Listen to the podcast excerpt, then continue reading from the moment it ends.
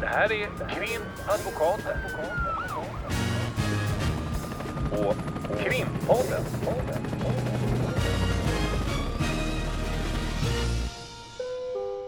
Parter och ombud kallas till sal 32. Hej Lotta! Hej Ulrika! Idag tänkte vi köra ett sånt här litet avsnitt som eh, kallas Lyssnarnas frågor. Mm. Vi får ju ganska ofta frågor och Mm. i- inte så sällan så blir det ju också så att folk mejlar oss på våra advokatmejl, Mm. mejladresser och att vi då också svarar Mm. via mejlen helt enkelt. Men nu har vi samlat ihop några frågor som inte så många, ett par tre stycken idag som Mm. vi kan svara på där det är eh, flera som har ställt samma fråga. Ja. Och då eh, tänkte jag att jag skulle ställa den första frågan till dig. Mm. Och den här frågan den har vi fått ifrån flera lyssnare av podden eh, men den är liksom ställd lite på olika sätt och då har vi kokat ihop den till vad vi tror att folk önskar svar på. Det är bland annat eh, om man döms till 12 års fängelse Sitter man i 12 år då eller döms man till 6 års fängelse sitter man i 6 år. Och sen eh, är det också folk som har frågat som jag tänker vi kan knyta ihop till. Vad händer om man till exempel rymmer ifrån fängelset? Eh, får man sitta längre tid? Och vad händer om det är så att man missköter sig på fängelset? Kan det påverka tiden man ska sitta i fängelse? Så det blir liksom som en fråga fast i tre delar. Om vi börjar med hur länge sitter man om man till exempel döms till sex års fängelse? Eh, vi har ju, det här är ju ganska högaktuellt också. Vi har ju pratat tidigare om det här med Tidöavtalet och att det är ju förslag från regeringshåll att saker och ting ska förändras. Så nu pratar vi om vad som Nu gäller pratar vi om nu. just nu Ja. och som har gällt hittills väldigt Ja. länge. Eh, villkorlig frigivning, det är två tredjedelar av eh, utdömt straff. Så om man eh, eh, ska göra det lite enkelt för sig så eh, om man då blir dömd till sex års fängelse. Hur länge ska man sitta då? Eh, då sitter man fyra år. Mm. Och då ska man också ha med sig att det är inte från domsdatum som det börjar räknas utan har man suttit häktad till exempel så börjar man räkna tid, alltså avräkningsunderlaget som vi säger är från det att man blev frihetsberövad. Mm. Så har du suttit Redan. häktad kanske om du döms till sex år ska sitta fyra år och då har du kanske suttit häktad i ett halvår. Mm. Då, har man, då tar man först, eh, om man ska göra den här ekvationen, då, då tar man först bort av sex år den tiden man har suttit frihetsberövad. Mm. Och sen så delar man på tre delar då, då övrig tid. Och då vet man att man kan säga till klienten att det kommer bli två av de här tre delarna. Så kan man landa på en ganska precis uppgift om hur länge klienten, om det är en klient som undrar hur länge den ska sitta. Men sen är det som du säger, då kommer ett avräkningsunderlag och sen är det också så att kriminalvården när man sen ska förbereda att placera någon på anstalt så kommer ju de att räkna ut exakt på dagen hur länge Så man ska vet ju vilken dag det är planerat. Mm. Sen kan ju den bli uppskjuten om man till exempel missköter sig inne på anstalten. Och då är det, rätta mig nu om jag har fel, det är var, för varje eh, om man får igenom uppskjuten frigivning så är det 15 dagar, visst är det så?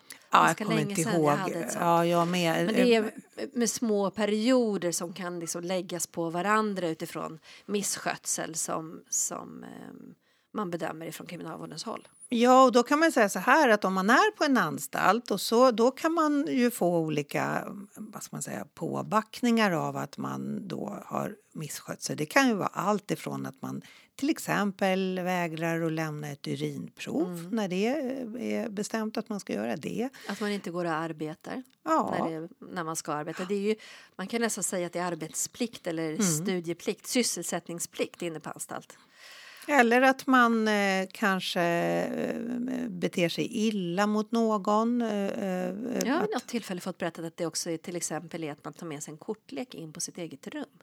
Om det är en regel om att man inte får ha det på rummet. Liksom. ja, Så man kan- bryter mot reglerna. Man bry- bryter mot de regler som är uppställda. Det finns ju... Vissa ställen man får röka på och inte röka på. Mm. Då kanske man röker på ställen man inte får det. Alla, alla såna här misskötsamheter det har ju man kan säga lite olika värde. Mm. Men om man då når upp till att det... Ja, dels så ska ju missköthet, miss, miss, misskötsamheten den rapporteras inom kriminalvården. Mm. Och sen så håller man ett litet förhör med eh, i kriminalvården ett litet förhör med den som är eh, då misstänkt för den här misskötsamheten. Och sen så när det har blivit ett antal sådana och de når upp i, i, i en viss paritet då blir det så att då säger kriminalvården, då skickar anstalten det här, det här till kriminalvården centralt och säger att nu anser vi att den här personen har misskött sig så himla mycket så att den här villkorliga frigivningen man har, den en tredjedelen som man alltså då kan räkna bort. Om du ska sitta fyra år, då är det ju två år som är villkorligt. Och om det då under de här fyra åren där du sitter ute på anstalten missköter dig, då kan kriminalvården säga nej, du ska inte släppas förrän efter fem år eller efter sex år. Och då eh, prövas ju det här. Och då är det ju på det sättet att då får man ett eh, offentligt biträde och det brukar vara, det kan vara det att de tar, säger, klienten säger jag vill ha min tidigare försvarare som hjälper mig med det här. Och då blir det den tidigare försvararen eller någon annan på byrån som tar det ärendet.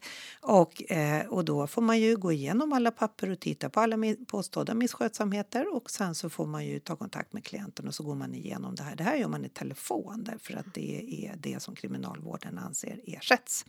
Och då, då, då pratar man om det här med klienten och sen får man argumentera kring att om det här är då inte så allvarligt att det ska leda till mer än ett visst antal dagar och är det riktigt allvarligt så finns det ju en risk att kriminalvården säger att nu tar vi hela den villkorliga frigivningen.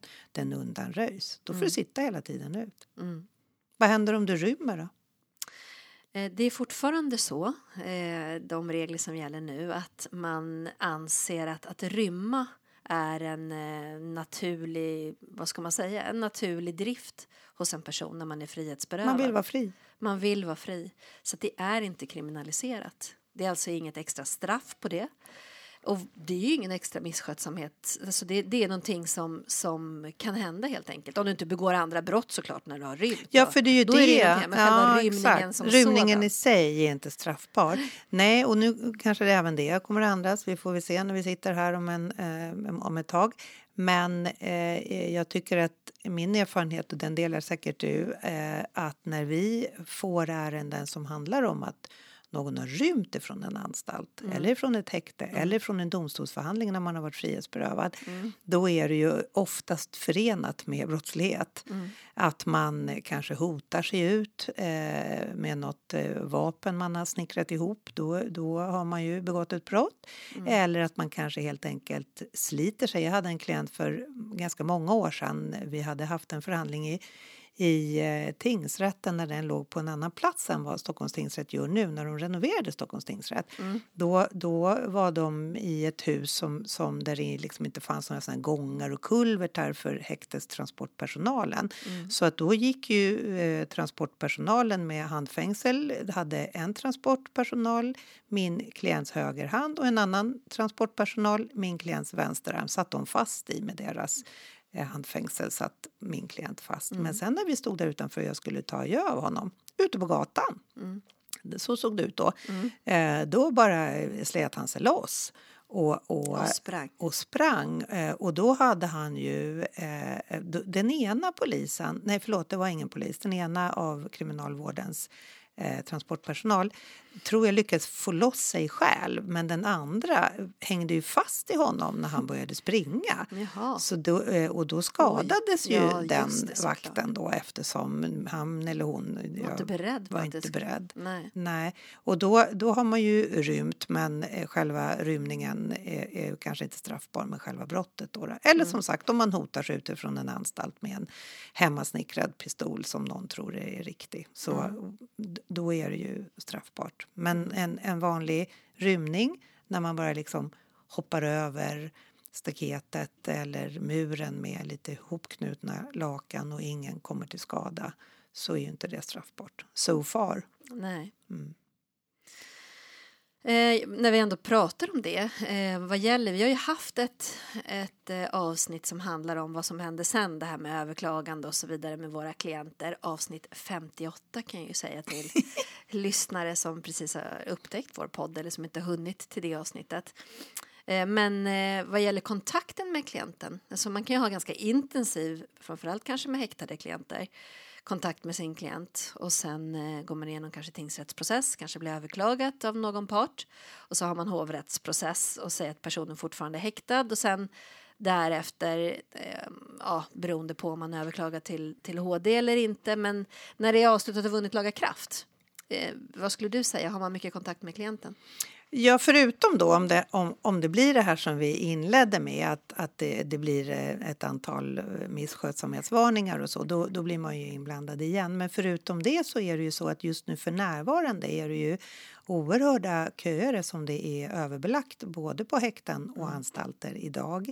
Så eh, blir det ju så att den kontakten som tidigare var så att man sa lite ja hej då, du får gärna höra av dig och tala om när du muckar eller hör gärna av dig under tiden och sådär. Mm. Sen har man ju klienter som man har haft väldigt mycket och kanske under många år. De, de kan ju slå en pling då och då och tala nu har jag hamnat på den här anstalten och nu har jag flyttat till den här. Men det, det är inte så att man åker ut och hälsar på på någon anstalt helt utan anledning. Nej. Och nu är det ju så att nu är det så många som blir kvar när de är frihetsberövade. Mm. Det är så många som blir kvar på häktet i mm. väntan Ganska på att placeras. länge ska ja. sägas. Jag hade någon som satt ja, över ett halvår nu. Alltså. Ja, och då blir det ju mera samtal ja. därför att de undrar när de ska komma ut. Det är ju ingenting vi kan påverka, men då, då blir det ju lite mer. Då sitter de ju för det mesta på en gemensamhetsavdelning om det mm. finns plats där så att de har ju möjlighet att socialisera med andra människor. Men, men det är ju ändå i, i häktesmiljö och inte i anstaltsmiljö. Mm. Men tycker du att du har någon kontakt när, när klienterna väl har kommit ut på anstalt om vi inte hamnar i de här misskötsamhetsärendena? Då?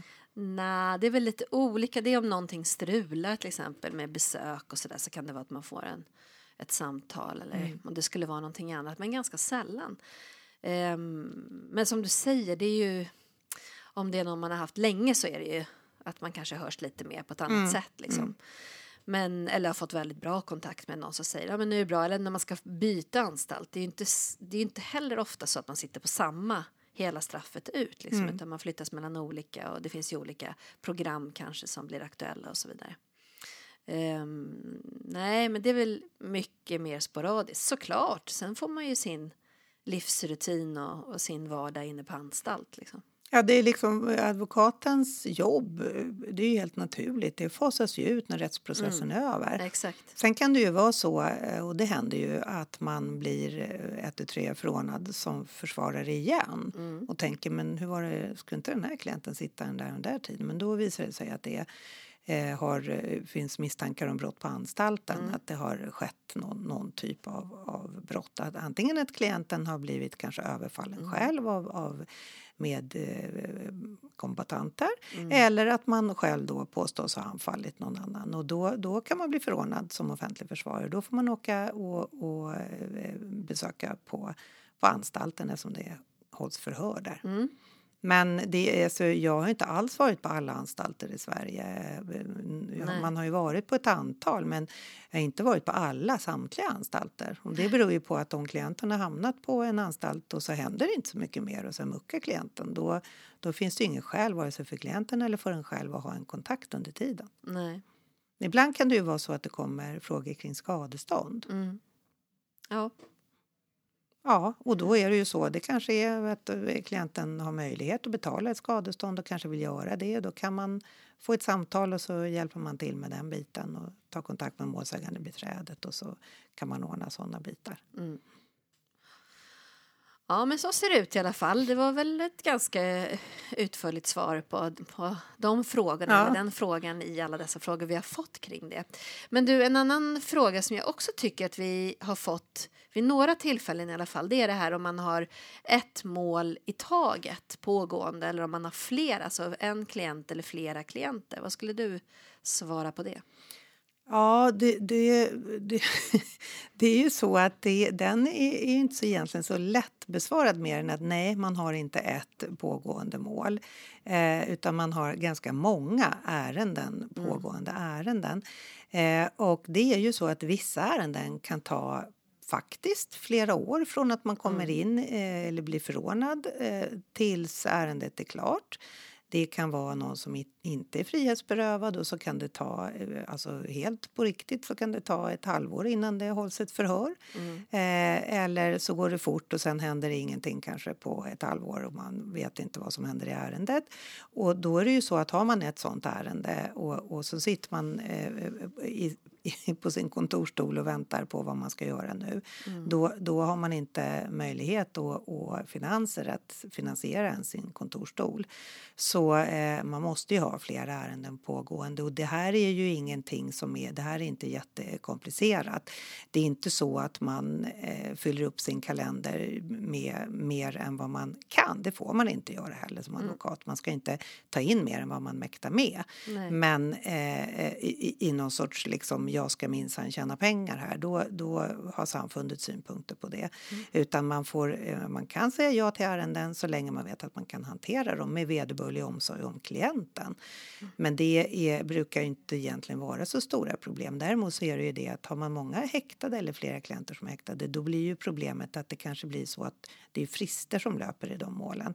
Att det ett och tre blir så att det ska hållas förhör med alla inför en häktningsförhandling och alla häktningsförhandlingar råkar nästan komma på samma dag.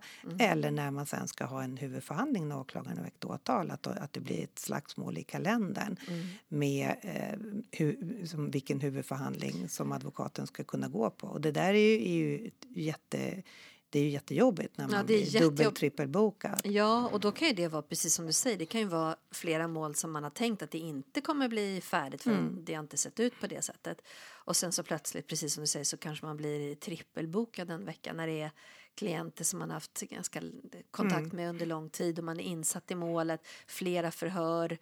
Eh, väldigt inläst liksom redan. Eh, det där är ju, tycker jag, jättesvårt i, i det här jobbet. Ja, och vad och man att får man göra. sällan får eller att det heller inte finns möjlighet kanske att alltid hörsamma vår situation i det eftersom det är ganska fullbokat i domstolen också. Ja, precis. Och då är det inte så när, när vi snackar dubbel och trippelbokningar. Då, då är det ju inte så att de är så de facto, utan vad det handlar om är att man har en kontakt med domstolen.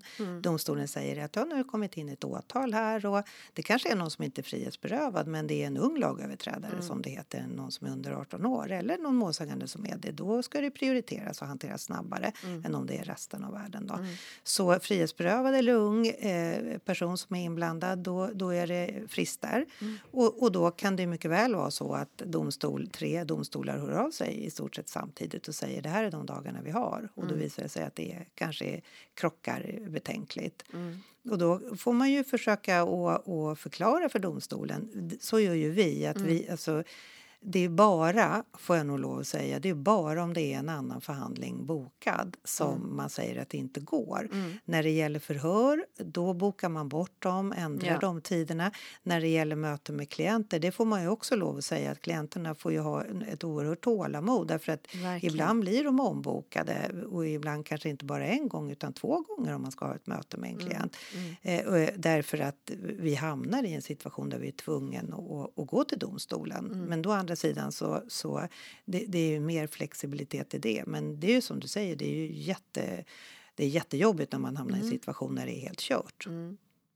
Därför att då måste man eh, sätta en annan advokat i sitt ställe eh, om i det ena målet. Ja, och göra någon sorts bedömning vilket mål man ändå i slutändan måste ta där man är i det Mm. närmaste oersättlig. Och det, ja, nej, det där är ett dilemma, men det är ju inte alltid så. Men nej, vi har flera pågående samtidigt och då kan man säga några vilande och några aktiva och några kanske mer akuta. Man säger så. Mm. Det är svårt att sätta i siffror liksom. Du, jag, jag, eh, få- när vi printade ut de här frågorna så tänkte jag eh, en fråga som jag tyckte var, var lite spännande. Det, det är den här frågan som vi har fått ifrån, från olika personer, också ställt på olika sätt. Eh, kan du hela lagboken utan till? Ja, ja. Vi har också, ja, bra. Eh, och sen har vi också fått fråga, eh, kan ni hela strafflagen, brottsbalken då, eh, utan till? Hur fungerar det? Eh, det, det? Det var någon som skrev eh, det verkar inte så svårt om man har ett bra minne att bli advokat. Mm. Det är bara att lära sig de här paragraferna och sen kan man ju jobba med det om det inte är så att paragraferna förändrar sig. Kan du, du sa ja på hela, du, Mm. Ja, du kunde hela jag kan det lagboken. Fullständigt. S- Jag kan ange sida. Det är också Nej, men så- synd då eftersom det finns ju så otroligt mycket mer lagstiftning än det som har samlats ner i, i, i, det lagboken, bästa i lagboken. litet, eh, Men det bara... Populärt utdrag. Exakt. Populärutgåva. Men eh, nej, men så är det ju inte. Eh, utan eh, jag tycker man jobbar, alltså det är såklart att man kollar lagtexten på det som, som påstås, alltså gärningsbeskrivningen i aktuellt mål, det är självklart. Därför att, och det, jag ska säga, det gör jag även om det är en misshandel, vilket jag egentligen säkert kan utan till om jag skulle tvingas till att radda upp hur det ser ut. Men det är ändå, jag läser nog alltid det när man går in i ett mål, bara för att, ja, jag vet inte, det är bara min rutin. Men ehm, sen så jobbar vi ju mycket med praxis, det vill säga eh, tidigare domar, hur domstolarna har resonerat, förarbeten, vad som är syftet, tanken bakom lagtexten för att specificera de kriterier som finns. Det, det är ju det som är roligt, alltså någonstans eh, i själva den juridiska delen av, av eh, vårt arbete. Och det är, kan jag ju eh, säga, passa på att säga att när jag började, så kanske det var för dig också, men när jag började som jur, kand, biträdande jurist på min första advokatbyrå där var det så att på den tiden så fanns ju inte de här uh, databankerna som jag tror de började Nej. kallas sen efter ett tag. Utan man fick faktiskt gå iväg till riksdagsbiblioteket kommer jag ihåg att man hängde ganska mycket på för att titta på förarbeten. Och där kunde man ju då, där hade de ju referenslitteratur som man fick gå dit som inte lånades ut. Man kunde också låna hem då. Och så fick man sitta och läsa förarbeten. Jag kan, jag, jag kan inte ens föreställa mig hur det var att jobba eh, för oss på den tiden. Men hur var det med, med praxis? Hur, gjorde vi, hur fick vi fram HD-avgöranden innan man hade HDs hemsida? Alltså det kan jag svara på ganska tydligt eftersom jag gjorde min examensuppsats handlade om eh, vittnens skyldigheter eh, respektive rättigheter. Och då gick jag igenom, eh, jag hade fått ut alla målnummer i samtliga domstolar i Stockholm om jag inte missminner mig. Och då fick jag gå till kanslierna på tingsrätterna. Och så fick jag permar och gå igenom dem som jag tog då eh, övergrepp i rättssak och den typen som kan vara mer Och sen vittnesrelaterad. var du, var du att få kopior då? Eh, nej, jag fick permar med de här uh, målsnumren. Och sen så fick jag själv dra kopior när jag var där. Så jag, ja, så jag, vet, jag kommer inte ihåg nu hur länge jag satt. Jag kom som att jag jobbade på domstolen. För Det jag kommer ihåg när man själv ville mycket tid. begära ut en dom som inte hade med en själv att göra, alltså Mm. med ett ärende. Så då var det ju så att eh, då eh, fick man ju ut gratis nio sidor. På den tionde sidan så fick de ju ta ut en avgift. Så är det säkert fortfarande. Mm. Ja, det. Men det är så väldigt sällan man, man tar kontakt med en domstol och rekvirerar ut en dom Mm. i papper som ska postas till en. Eh, och det var ju för att det ska bli någon sorts självkostnadspris. Där. Nu för tiden så finns ju alla de här rättsdatabankerna och, och allting. Det är ju jättestor skillnad. Det är ju väldigt väldigt mycket mer lättjobbat. Ja. Man, man har såna här, eller vi har, alla advokater har väl det, eh, att man har att ja, man prenumererar på olika juridiska tidskrifter och sånt där man också får lite heads up med vad som har hänt nu senaste tiden. Här har Högsta domstolen meddelat den här domen, hovrätten i övre Norrland har kommit med den här domen. Det här kan vara intressant inom ens eget område. Ja. Och då kan man ju antingen söka på nätet eller via de här olika databaserna som vi är anslutna till. Ja, Högsta domstolen själv har ju sina Ja, och publicerar sina avgöranden, vilket ju är jätteintressant. Det kan ju vara någonting man inte visste att man letade efter som ändå är intressant. Mm. Liksom. Så att absolut. Och jag kan ju säga när jag satt där och rotade i deras permar i flera veckor. Eh, jag tror att det var, vad kan det ha varit, 2002 eller någonting? Mm. Nej, kanske lite tidigare, 2001. Så inte, det, alltså det är länge sedan, men det är inte så länge sedan. Nej, och om vi ska prata så så var ju det den tiden när det inte heller fanns mobiltelefoner. Eller? Ja, det fanns, men det var ju inte ingen- som, det var inga smartphones liksom, som nej. nu. Nej. Och då brukar ju, eh, vi var ju då, vi, vi, har ju, vi har ju haft våran verksamhet under en ganska lång tid när allt det här har funnits. Men eh, jag vet ju när man eh, jobbade tidigare, för länge, länge sedan, när man jobbade med advokater som hade jobbat långt mycket tidigare än en själv, just att eh, de eh, tyckte det var så jobbigt när det kom mejl därför att man skulle svara så himla snabbt jämfört med att det kom ett brev och så ansåg man att man hade någon vecka eller lite drygt att svara och sen satt man och knattrade ner på en skrivmaskin och så skickade man iväg ett svar. Medan nu när vi sätter på våra mobiler så bara rasar det ju in mejl och att så är det ju även med en själv om jag mejlar till någon myndighet eller till någon polis eller vad det nu kan vara så förväntar man sig ju ett svar. Kanske inte exakt på studs men nära på. Och de brukar säga de advokaterna, de, de kanske inte är så aktiva längre men de brukar säga att det var ett helt annat tempo då. Men, men å andra sidan, det tog ju sin lilla stund att knata iväg till riksdagsbiblioteket för att leta fram förarbeten. men då tog man ju kopior där också. Sen samlade vi ju också, apropå pärmar, samlade man ju. Om man hade eh, i början av ens karriär när man kanske inte hade så här jätteallvarlig brottslighet. Man kanske hade, vi behöver inte sitta och göra någon värdering av brottslighet nu. Nej. Men då kanske man om man hade, inte vet jag, ett vi säger hot mot tjänsteman så eh, gick man ju och, och hämtade in förarbeten och tog kopior på riksdagsbiblioteket. Jag kommer inte ihåg, jag för mig att det kostade 50 euro per kopia, ganska dyrt trots allt. Och så sparade man ju det, hålade det och stoppade in i pärmar. Och sen hade man eh, i sitt bibliotek då, olika brott med, med praxis och förarbeten. Ja, det var tider det. Ja, det var tider det. Men eh, nej, men det är ju jätteskönt att ha och nu att det hänvisas i och man kan liksom klicka sig vidare när man kollar i någon dom så hänvisas det till annan. Så det är ju en, en otrolig... Man kan ju sitta hur länge som helst egentligen och grotta ner sig nu. Det är ju spännande. Ja, och som ett svar då, om vi knyter an till frågan, kan du hela brottsbalken utan till förutom att du kan hela lagboken utan till då, så är ju från min sida svaret nej. Utan det är ju just det här att juridik är ju mera att man lär sig som en metod hur man ska söka sin kunskap. Ja. Och då har man det som kallas för rättskällorna. Och det, är, det är inte bara lag utan det är förarbeten, hur har politikerna tänkt hur man resonerat, vad är det för praxis från domstolar och det finns en massa doktrin som man säger där olika rättssakkunniga professorer och doktorer har skrivit och hur, hur man ska tolka lagstiftning och så. Så att det är där vi håller på och grottar.